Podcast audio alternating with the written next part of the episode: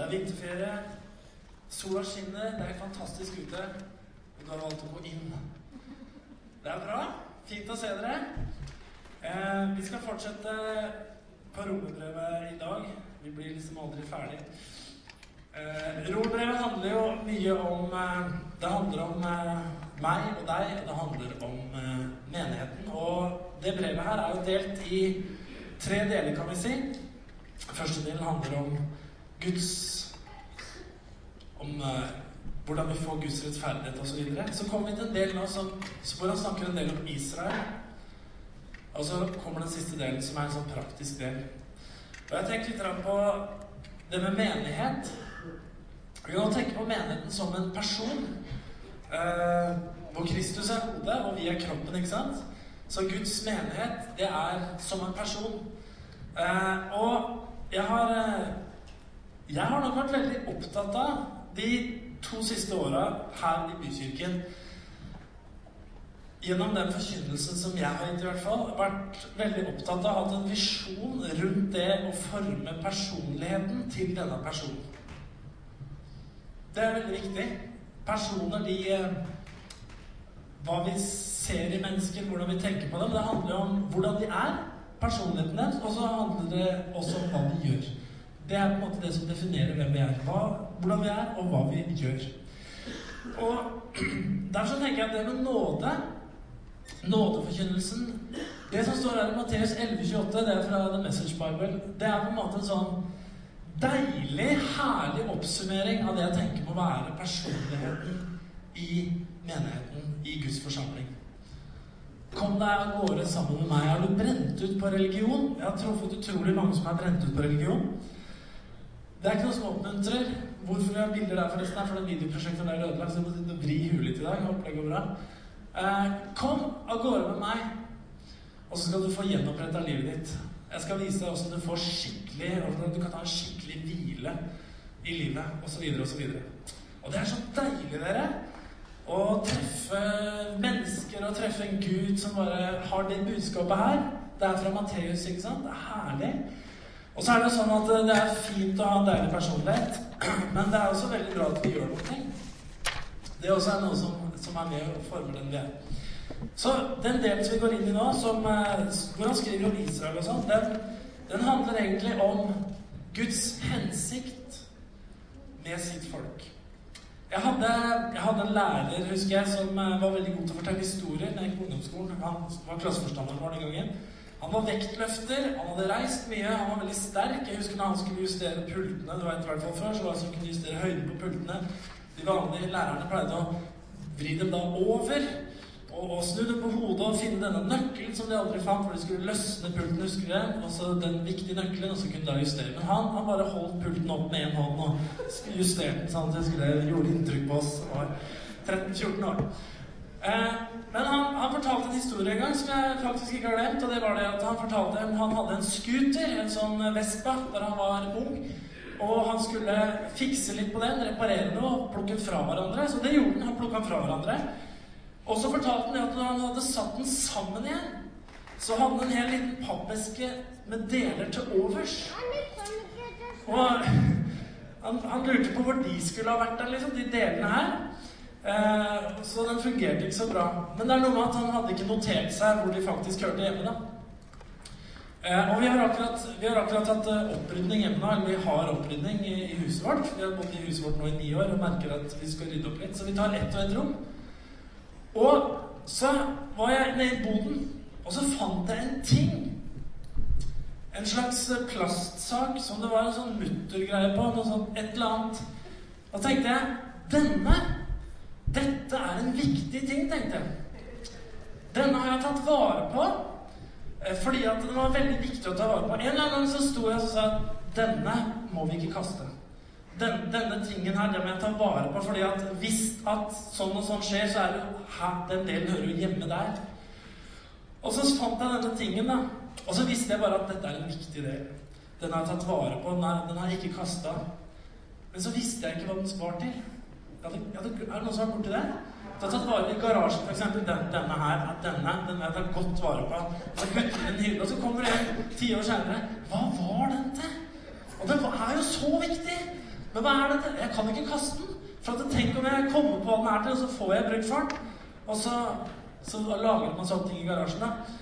Ting man ikke vet hva er. Så etter hvert så Når jeg har drevet og ordna så har jeg lært meg å skrive lapper. Frysetegn, og så skrive med, med da Bruk sprittusj, ikke kulepenn. For hvis jeg ligger i garasjen i fem år med kulepenn, så står det ikke noe på den lappen lenger. Det er bare sånn praktisk tips. Men i hvert fall bruk sprittusj. Fordi at hvis det ikke er skrevet ned hva den tingen er til, så glemmer man det. Og så ender det allikevel i søpla.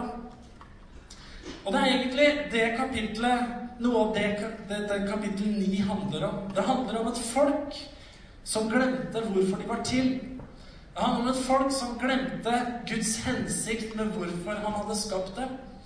Og så gikk det ikke så veldig bra. Vanligvis så server jeg dere med bibelvers på lerretene. Det får dere ikke i dag. Katrine er bortreist, hun er til Spania. Jeg fungerer ikke. Jeg en gæren powerpoint-film.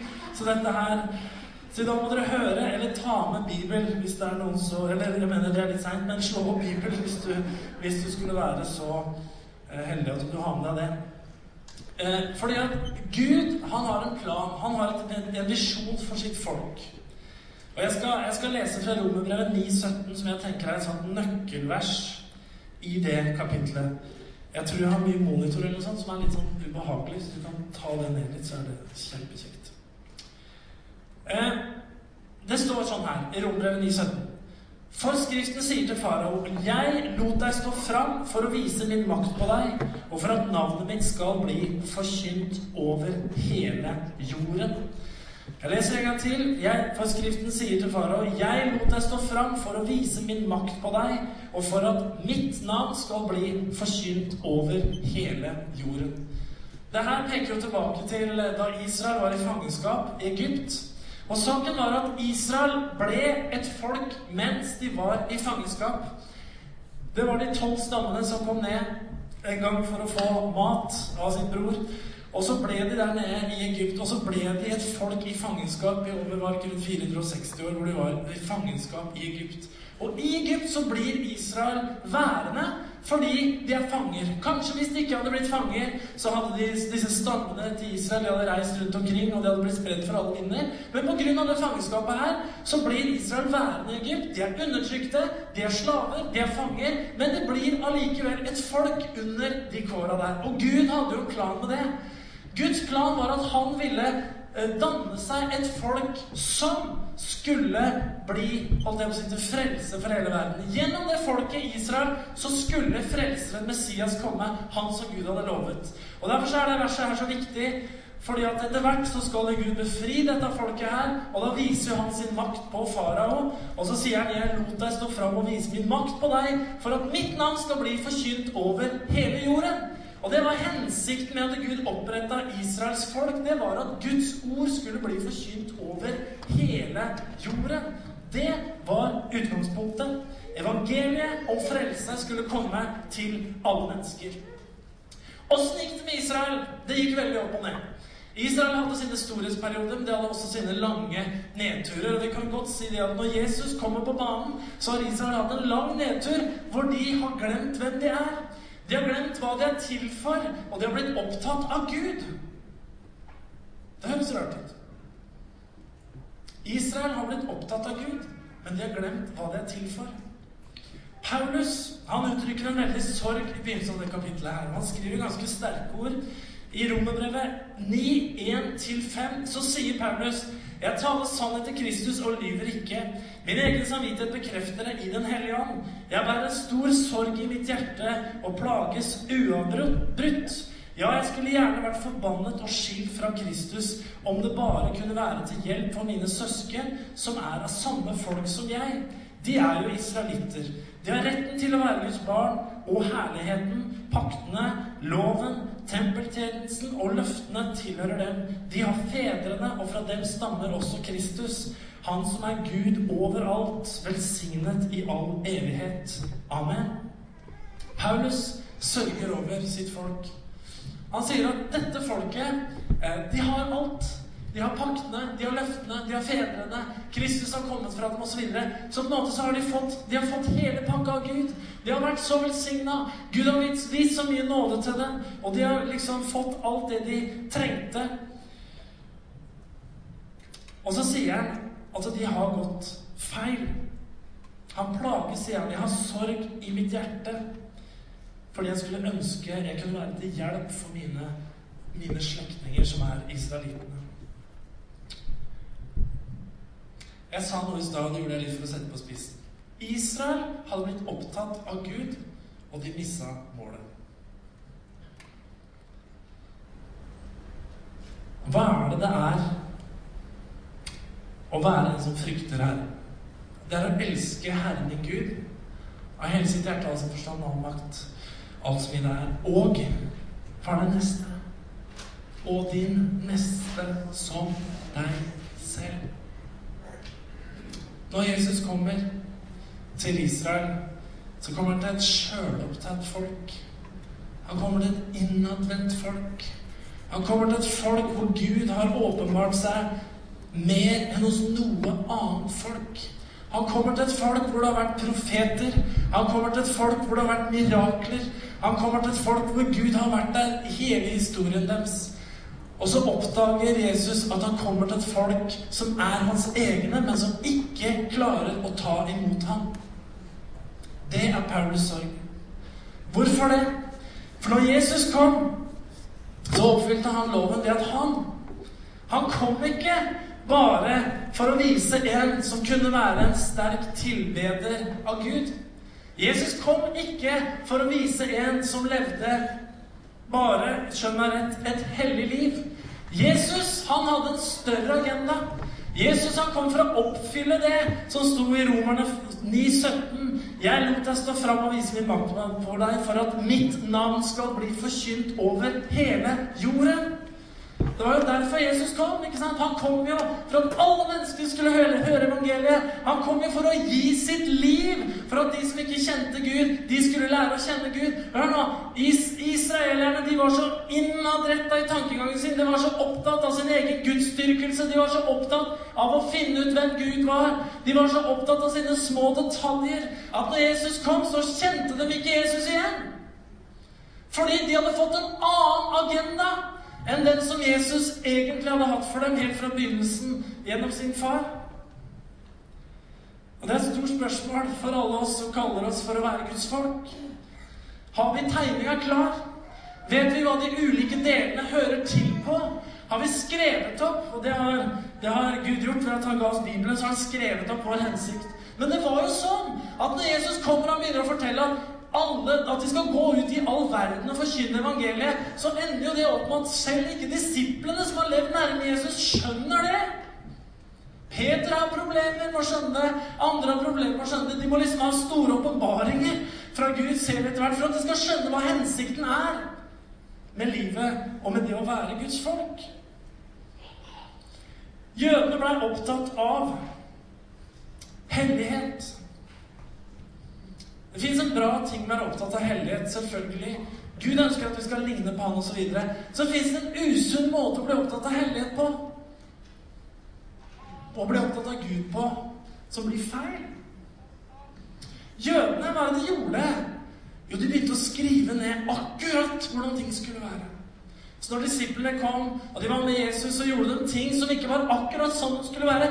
Hvorfor, mester, er det sånn at dine disipler går på kornåkeren og plukker opp aks og spiser? Det er jo sabbat. Hvorfor er det sånn at ikke de vaska hendene når de skulle ha vaska hendene? Mester, vi har jo skrevet ned det her. Vi har jo skrevet ned masse bud og tradisjoner som vi har i tillegg til Bibelen, som er til for at vi skal være helt sikre på at vi lever hellige liv. Og så ble det her de store stridspunktene. Og så kan det bli sånn blant kristne i dag òg. Man blir opptatt av hellighet på en feil måte. Ja, hvordan er det akkurat, da? Hvordan skal det nøyaktig være, da? Hvordan skal det nøyaktig leve, da? Og så videre. Og så blir vi innadvendte, og så tenker vi at vi blir opptatt av Gud, så blir vi bare opptatt av oss sjøl. Og så kommer Jesus til dette folket som bare har blitt sjølopptatt i sin gudsdyrkelse. Og som ender med å fordømme hverandre nord og ned, og glemmer at det er en verden der ute som trenger Jesus. Hva står det videre i kapittel 622, leste vi for noen uker siden. Der står det Men nå når dere er frigjort fra synden og har blitt tjenere for Gud, er frukten helliggjørelse. Med andre ord så sier Jesus til oss, Paulus sier til oss, det dere skal bli opptatt av, er å tjene Gud. Når du blir opptatt av å tjene Gud og opptatt av å tjene mennesker, så kommer du til å ha helliggjørelse som frukt. Mange ganger snudde jeg på hodet og sier helliggjørelse kommer før tjeneste. Men Paulus sier tjeneste kommer før helliggjørelse.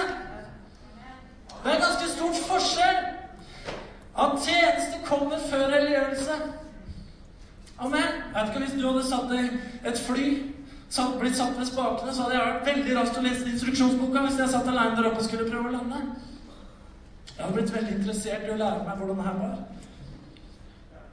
Fins det ytterligere dekning for det? er kapittel 9 som vi holder på med nå, så står det videre i, i Romerne 9, 30-33. Hva skal vi så si? Jo, hedningene som ikke Hør nå, som ikke jaget etter å få rettferdighet, de har vunnet rettferdighet. Det vil si rettferdigheten av tro. Men Israel, som jaget etter loven for å vinne rettferdighet, de nådde ikke fram. Hvorfor ikke? Fordi de holdt seg til gjerninger, ikke til tro. Og de støtte mot snublesteinen. Slik det også står skrevet Se, på Sion så ligger en snublestein og klippet til fall. Men den som tror på Han, skal ikke bli til skamme. Hva er det Paulus sier? Han sier at det fins et folk som ikke var opptatt av å finne rettferdighet. Det fins et folk som ikke var opptatt av å finne Gud. Det er folk som ikke var opptatt av å finne hellighet, som fant det. Og så fins det et folk som var så opptatt av å finne det som gikk glipp av hele greia. Som aldri kom fram. Og vet du hva? Man kommer jo aldri fram. Hvis man skal basere livet sitt på gjerninger, sånn som Paulus sier her. De søkte loven, de søkte gjerninger, de søkte det her. Men så står det, og så kommer en som Jesus sier at det er gratis. Det er nåde. Og så snubler de, ja. Og så faller de. For sånn kan det bare ikke være. Det er bare et anstøt at disse hedningene, at disse andre skal komme inn, osv., osv. Anstøtene for jødene fins i Jesus. Videre så står det i kapittelet fordi at dette begrepet Israel det betegner både et fysisk og et åndelig folk. Paulus definerer ikke først og fremst folket Israel ut fra etnisitet, men ut fra hvem som har mottatt nådekallet fra Gud. I Romerne 9, 68 så sier Paulus det er jo ikke sånn at Guds ord har slått feil. For ikke alle israelitter tilhører virkelig Israel. Og ikke alle Abrahams barns etterkommere er virkelig Abrahams barn. Det står jo 'Gjennom Isak skal du få en ett som skal kalles din'. Det betyr det er ikke de som er av hans, hans barn av kjøtt og blod, som er Guds barn. Det er bare dem som er barn ut fra løftet, han regner som Abrahams ett. Abraham fikk to sønner. Ishmael og Isak. Den ene sønnen, den første sønnen, fikk Abraham ut fra sin egen anstrengelse. Ishmael, han ordna det sjøl. Han trengte ikke å tro på Gud. Han uh, fikk Hagar inn i hytta si, og så ordna dem det sjøl. Men den andre sønnen, som het Isak, han var et produkt av et mirakel fra Gud. Han var et produkt av tro på Gud. Og så sier han at dette her er på en måte de som er de sanne Guds barn. Det er de som er løftesbarna. Det er de som er født av tro osv. Og, så og det er jo sånn at religion, som Israel holdt på med, eller Ishmael, som, som Abraham holdt på med, det kan aldri skape mirakler. Det kan aldri skape forvandling. Det kan bare skape systemer, det kan bare skape en måte å leve livet på. Men det skaper andre mirakler. Isak var et mirakel.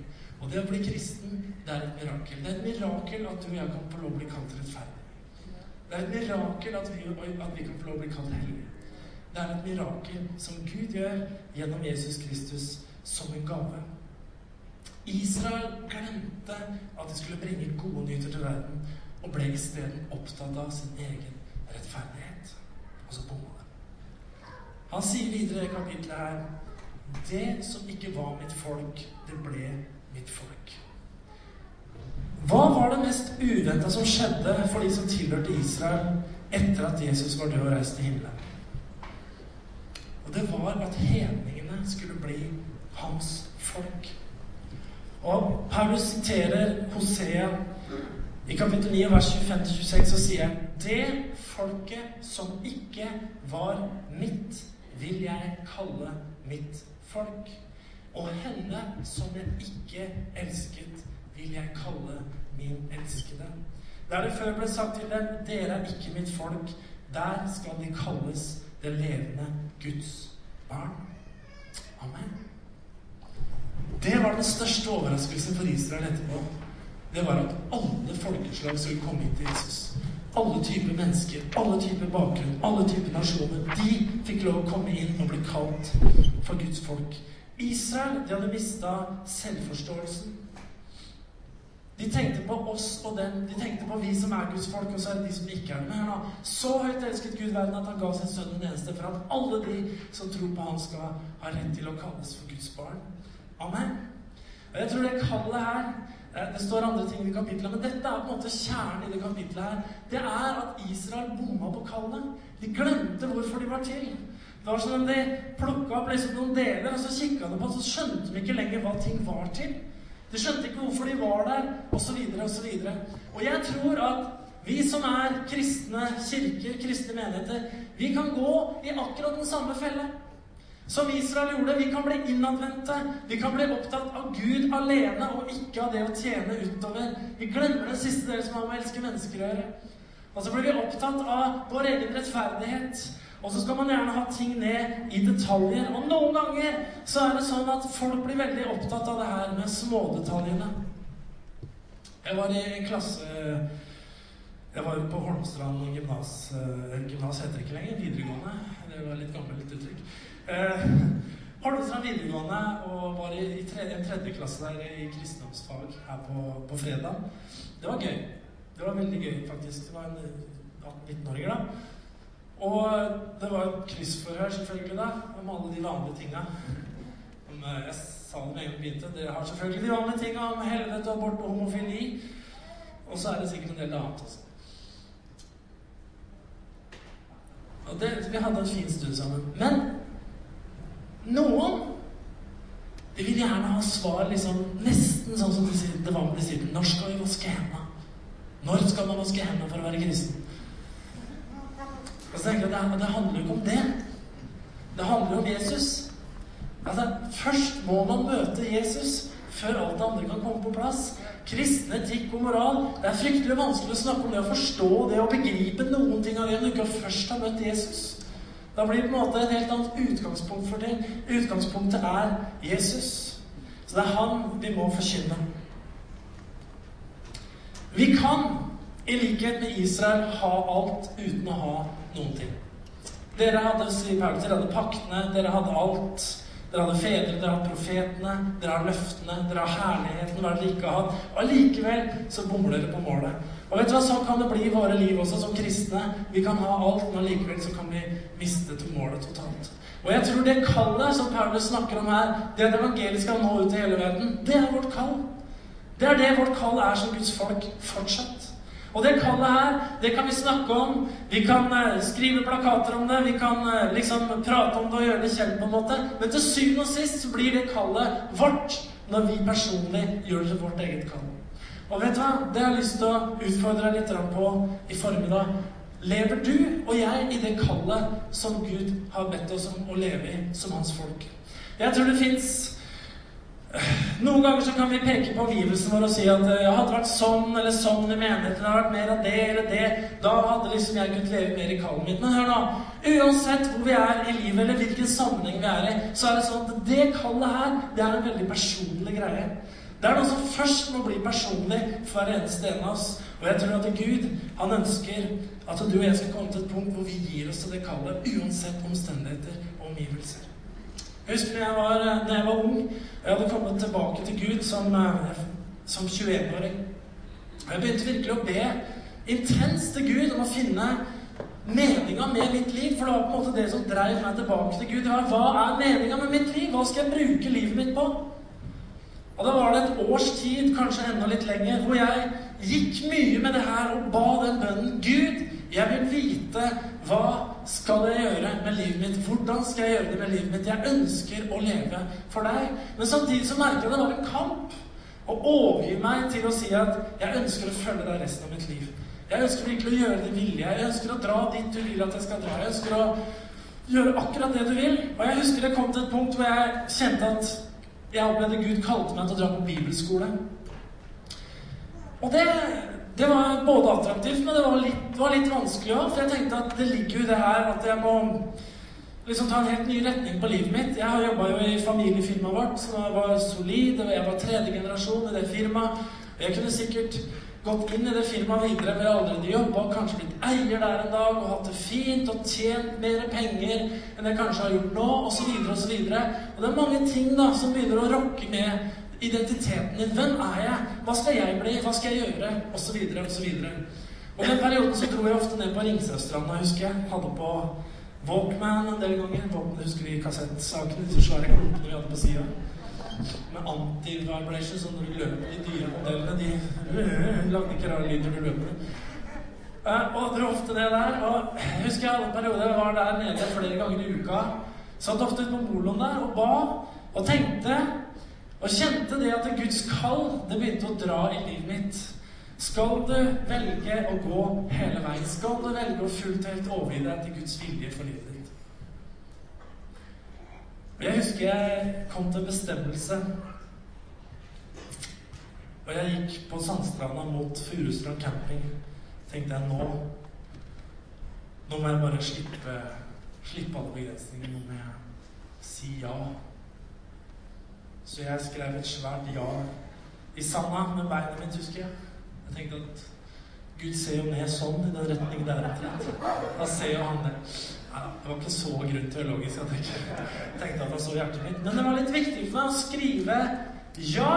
Jeg husker akkurat hvor det var. Det var rett utafor der hvor den der windsurfingbua er nå. Den røde. Nedpå stranda der. Der skrev jeg mitt store ja til Gud. Tenkte jeg nå Nå er det gjort. Jeg drar av gårde. Jeg flytter. Jeg drar på bibelskole.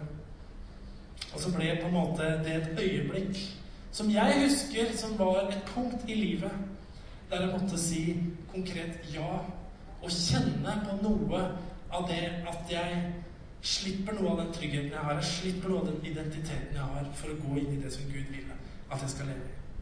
Så reiste jeg jeg har aldri angra på det. Det har selvfølgelig har det ja der det er blitt viska ut for lenge siden av vær og vind og vann. Men inni hjertet så har det ja stått fast. Noen ganger så har det ja fått skikkelig juling. Og jeg kan gå tilbake på det stedet da, og jeg vil ikke finne det ja-et. Jeg vil ikke finne restene etter engang. Så det er noe vi må fornye hele tida. Det ja-et som vi har til Jesus, til Guds vilje. Og jeg tror at Gud vil at alle mennesker skal bli frelst og komme til sannhetserkjennelse. Og det kan være ting, vet du, i våre liv som vi en gang hadde. Som vi hadde, og som vi sa at denne saken her, den må jeg bare ikke kaste. For den er så dyrebar, den er så viktig, den delen her, at en dag så kommer jeg til å få brukt for akkurat den delen her. Og så glemmer vi å merke Glemmer vi å skrive opp, glemmer vi å merke de tinga i livet våre.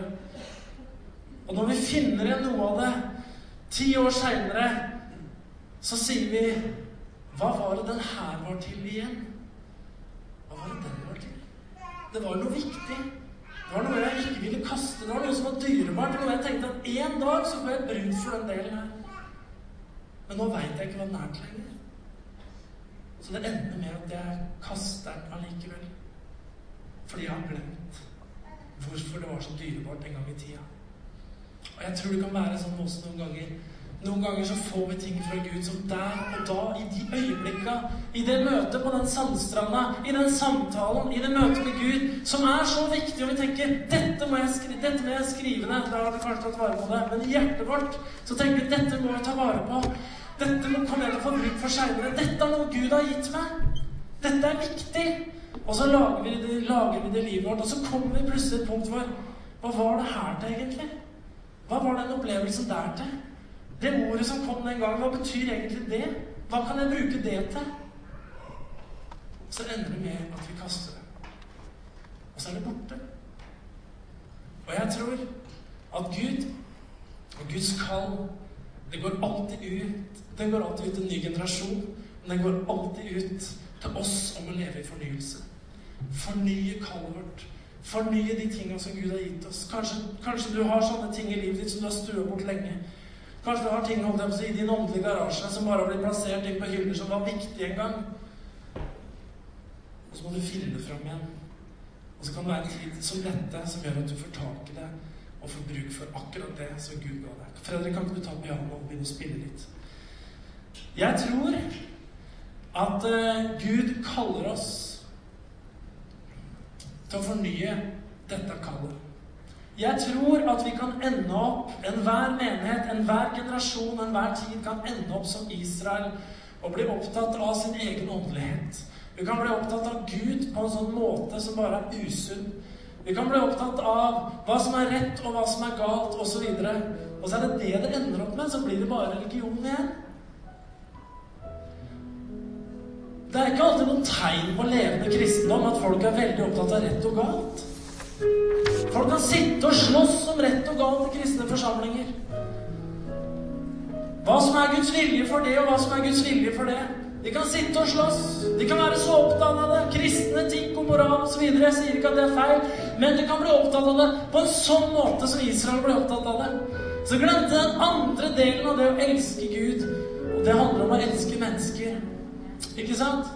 Så når Jesus kom, så sier han 'Jeg kom jo ikke for å oppheve loven. Jeg gjør jo ikke det.'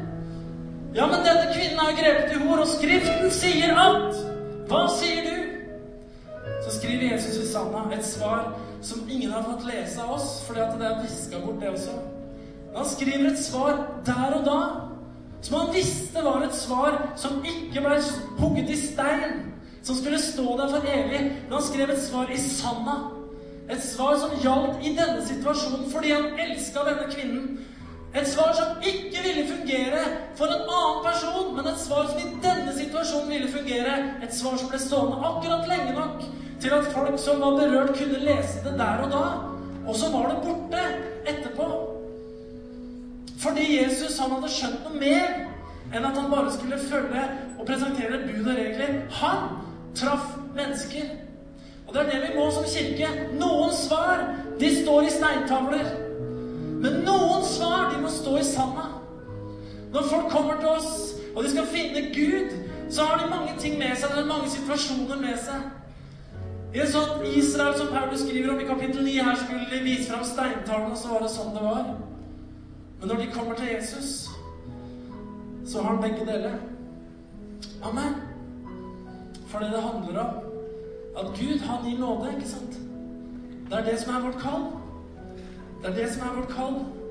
Det er at evangeliet skal bli forkynt til alle mennesker.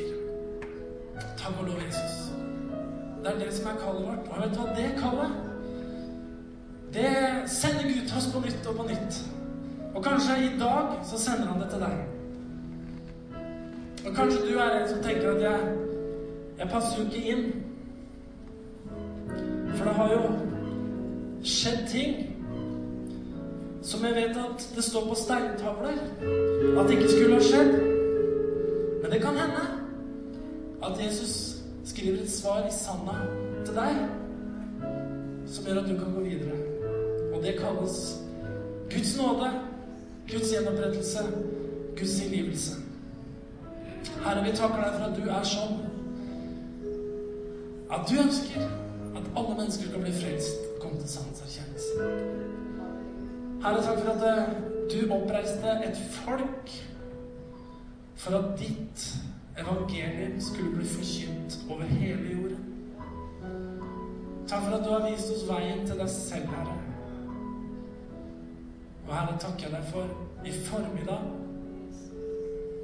Kanskje det er ting i vår, vår åndelige skap, i vår åndelige garasje, som en gang var så viktig for oss, men som nå vi ikke skjønner hva er til. Herre, jeg vil leve igjen i Jesu navn. I Jesu mektige navn. Halleluja.